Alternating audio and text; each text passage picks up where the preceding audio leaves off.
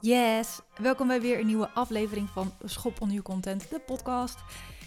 In deze podcast gaat het letterlijk over een schop onder je content. Want um, deze podcast gaat over iets wat ik echt zo ontzettend vaak fout zie gaan. Niet alleen bij mijn klanten, bij living, learning en doing. Maar um, ook gewoon bij mensen die niet mijn klant zijn. Of waarbij ik denk, oei, daar laat je echt een steek vallen. En dat is zo zonde, want ik snap de intentie van je tekst, van je webtekst, van je salespagina, van je, van je post. Maar je raakt me niet. Je hebt hem net, nou, het is een net niet. In deze aflevering neem ik je mee naar een aantal tips uh, hoe je dat het beste kan ondervangen. Maar vooral één groot probleem die je eigenlijk in de smiezen moet krijgen. Of één ding die je misschien nu niet weet. En als je dat wel weet, ga jij 100% betere teksten schrijven. Um, ja, dus dat gaan we doen. Heb je mij nog niet op uh, Instagram? Doe dat dan vooral. Volg me even toe op Anne de Vlaam. En ook op Instagram, of sorry, op LinkedIn kun je mij vinden onder dezelfde naam. Um, ik hoop dat je wat hebt aan deze podcast en dat je denkt, oei, dit doe ik eigenlijk stiekem ook. En dat je vanaf nu daarop gaat letten. Want ik weet zeker dat het je content ten goede komt en dat je ook beter en sneller je klanten weet te raken daar waar je het wil. Um, dus laten we beginnen. Het gaat over, um, in dit geval, dat wat ik vaak fout zie gaan, gaat over de opbouw van een post. Um, ik ga ervan uit op het moment dat jij content schrijft, uh, dat jij in ieder geval daadwerkelijk de pijnen en de verlangens van jouw ideale klant hebt gevalideerd. Dus dat wil zeggen dat je uh, met je ideale klant in gesprek bent geweest, dat je misschien al wat klanten hebt gehad of uh, nog steeds hebt waarvan je weet, jij bent mijn ideale klant en ik weet precies hoe ik, um, waar ik de vinger op de zere plek moet leggen en ook wat diegene verlangt. Heb je dat nog niet gedaan? Nou, dan beveel ik je om nu deze podcast uit te zetten en om als de wiede weer ga een doelgroeponderzoek te doen om uh, de daadwerkelijke ideale klant waar jij voor schrijft in jouw hoofd, om die uh, te valideren en echt zeker te weten dat dat hetgeen is uh, waar jij van denkt dat diegene er tegenaan loopt, dat dat echt zo is. Het, uh, dat is een grote bron van content, inspiratie, maar ook om uh, ja, de, het gezwabber in content weg te halen.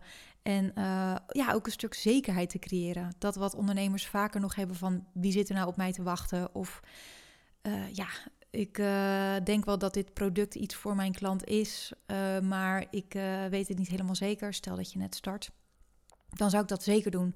Klanten die een doelgroeponderzoek doen, uh, waarin ik ze begeleid, is, die krijgen altijd een soort van: oh yes, beter. Ik zie inderdaad nu dat klanten echt op mijn aanbod zitten te wachten. Ondanks dat het aanbod daarna pas helemaal ge, uh, ja, gedesigned wordt, om het zo te zeggen, kan zo'n doelgroeponderzoek echt wel, ja, dat, dat geeft zoveel zekerheid en, en ook daardoor wat meer relaxedheid in de content, omdat klanten ervaren, mensen zitten echt op mij te wachten. Nou, dat is natuurlijk sowieso al goud waard. Maar ervan uitgaande dat jij dus de pijnen en verlangens van jouw ideale klant goed kent en je ze ook nog benoemt in een post op je webtekst of in je webtekst of op je salespagina waar je ze ook benoemt, is dit iets wat ik echt veel te vaak fout zie gaan. En dat is het volgende. Dat is het door elkaar heen gebruiken van pijnen en verlangens.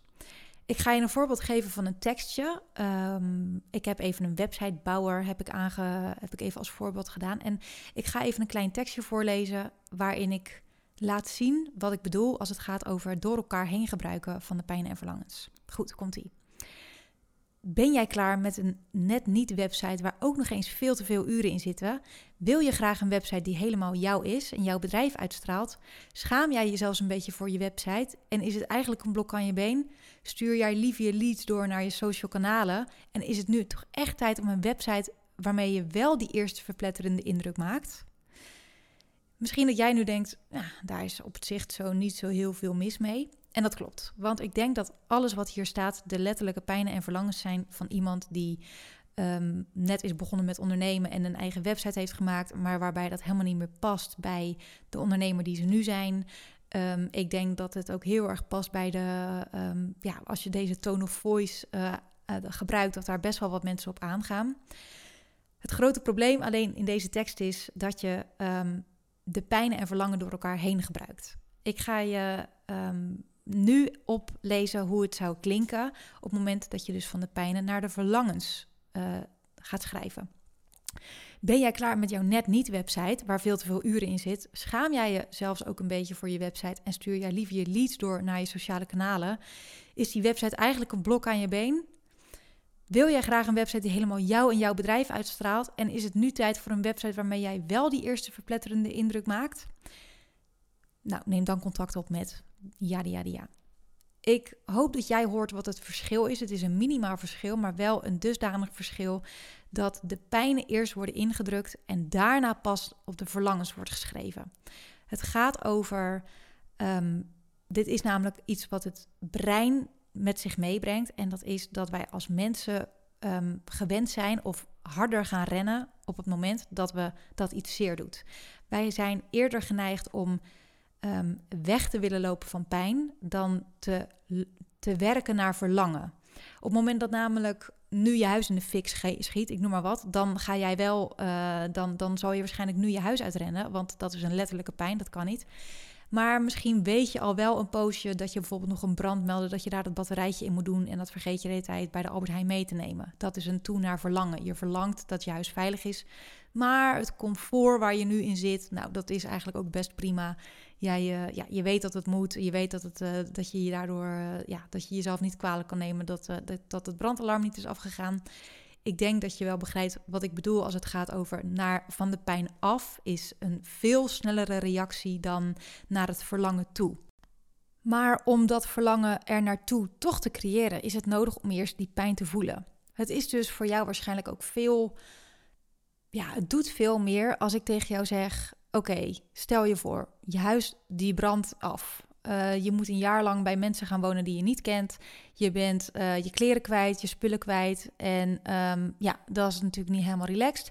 Maar dat kan je voorkomen door nu naar de Albert te gaan. Door een batterijtje te kopen. Door je daarna dat in te installeren. Dat is binnen vijf minuten gedaan.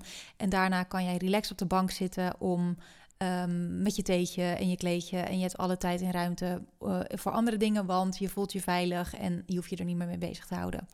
Zou ik het eerste gedeelte niet benoemen, dus die pijnen niet benoemen, dan zou jij veel minder snel getriggerd worden om naar die Albert Heijn te lopen om een batterijtje te halen. Want de noodzaak wordt je niet voorgehouden. Dat is het verschil met het is makkelijker voor een persoon om van de pijnen af te gaan, omdat wat we niet willen ervaren belangrijker is dan alleen het verlangen op te noemen. Daarom is het ook zo super belangrijk om die pijnen en verlangens niet door elkaar te gebruiken. Je mist er namelijk door een hele grote knop die je, die je indrukt en dat mensen zich gaan herkennen in die pijn. En op het moment dat jij na iedere keer door een pijn te benoemen het verlangen weer aan, aan triggert of aanbakkert, wordt die pijn niet groot genoeg. Voelt de ideale klant die jouw pagina leest niet per se dat diegene denkt, ai, shit, ja, dit is inderdaad ook iets van mij. Oh, en dit doe ik ook. Oh, kut, ja, en dit ook. Oh, nee, ja, nou, ze heeft inderdaad gelijk. En hoe zouden die verlangens er dan uitzien? Wat, wat is dan wat ik krijg? En dat ze dan dus pas in die andere emoties schieten naar verlangen. Oh, wat is dit weer, wat fijn. Oh, wat zou dit heerlijk zijn. Oh, wat top als ik dit kan ervaren. Het gaat dus letterlijk over het niet afwisselen van de ene emotie naar de andere emotie. En in dit geval is het ook belangrijk om altijd te beginnen met de pijn en daarna pas het verlangen. De meeste pijn doet een pijn, of de meeste, de meeste trigger krijgt een pijn en daarna pas het verlangen.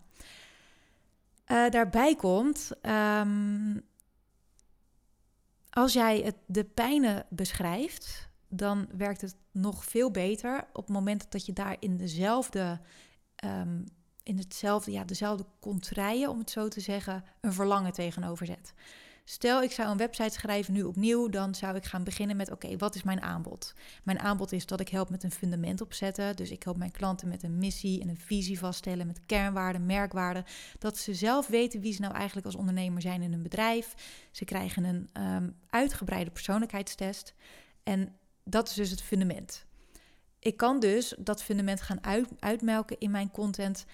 Uh, en dat zou dus eerst de pijn zijn. Ben je nu maar wat aan het doen en um, heb je geen idee hoe je je content um, moet omschrijven, want je weet niet waar je als bedrijf voor staat? Dan zou het verlangen zijn: laat mij je helpen met jouw fundament bouwen, waardoor je steadiness en rust gaat ervaren in je onderneming. Daarbij komt, ik help jou als klant met marketing en content. Dus ik kan in mijn um, uh, in de pijnen kan ik gaan omschrijven Vind je het op dit moment lastig om marketingtechnieken toe te passen of weet je helemaal niet hoe je dat moet doen? Dan zou het verlangen zijn, laat mij je helpen om op jouw manier simpele um, marketingtechnieken toe te passen die bij jou passen struggelen op dit moment mijn klanten nog om de pijnen en verlangens in hun content daadwerkelijk echt goed uit te diepen, dan zou ik zeggen: uh, hoe zou het voor je zijn om content te creëren waarbij jij echt je klant raakt en waardoor jij met je kopie boven het maaiveld uitsteekt, omdat je precies weet wat zij willen horen. Ik ga, je gaat dus letterlijk van de pijn, zet je een verlangen tegenover. Wat ik namelijk ook vaak zie gebeuren, is dat er dus wel vaak over de pijn wordt gesproken op een uh, pagina en daarna naar de verlangens. Dus dat dat wel goed gaat. Maar dat de pijn niet wordt opgelost in de verlangens die daarna worden genoemd. Dus op het moment dat je een pijn verlangt, dan moet daar ook een, een, een tegenreactie op zijn met dat verlangen. Ik hoop dat ik me een beetje goed uitdruk en dat jij begrijpt, oh ja, dus benoem ik een pijn, dan moet daar een verlangen tegenover staan. Dit is eigenlijk het enige wat ik tegen, je wilde je tegen jou wilde zeggen. Uh, knoop het goed in je oren door echt eerst van die pijnen naar die verlangens te gaan. Van de ene emotie naar de andere emotie. En wanneer je een pijn beschrijft, om daar dan in dezelfde contrai, in diezelfde pijn ook een verlangen tegenover te zetten. Het maakt je aanbod veel duidelijker. Het maakt veel duidelijker voor je klant wat je nu eigenlijk aanbiedt. En het zorgt voor ehm, een duidelijk, duidelijkere boodschap, waardoor je veel beter wordt onthouden. Dus ik hoop dat je wat aan deze tip hebt. En uh, nou ja, doe er je voordeel mee. En ik uh, lees graag jouw nieuwe salespagina die helemaal strak staat. Wil je nog meer tips of uh, ben je benieuwd hoe ik jou kan helpen met jouw content, met jouw marketing? Um, ik help je natuurlijk graag. Neem sowieso dan even contact met me op. Dat kan via de mail met info.annedevlaam.com. Dat kan via Instagram door een berichtje te sturen via LinkedIn. Um, ik uh, help je altijd graag om even te kijken waar je op dit moment lekt in je, in je content. Of dat je denkt dat ik denk, ja, ja, ik snap inderdaad wat je bedoelt. Ik uh, snap waar je, waardoor je geen inspiratie hebt of waardoor het net niet lekker helemaal overkomt. Um, ik vind het ook uh, super interessant om te horen waar jij tegenaan loopt als het gaat over marketing en content. En um, kom zeker bij me in de lucht, vind ik super leuk. Oké, dat was hem voor nu. Doei!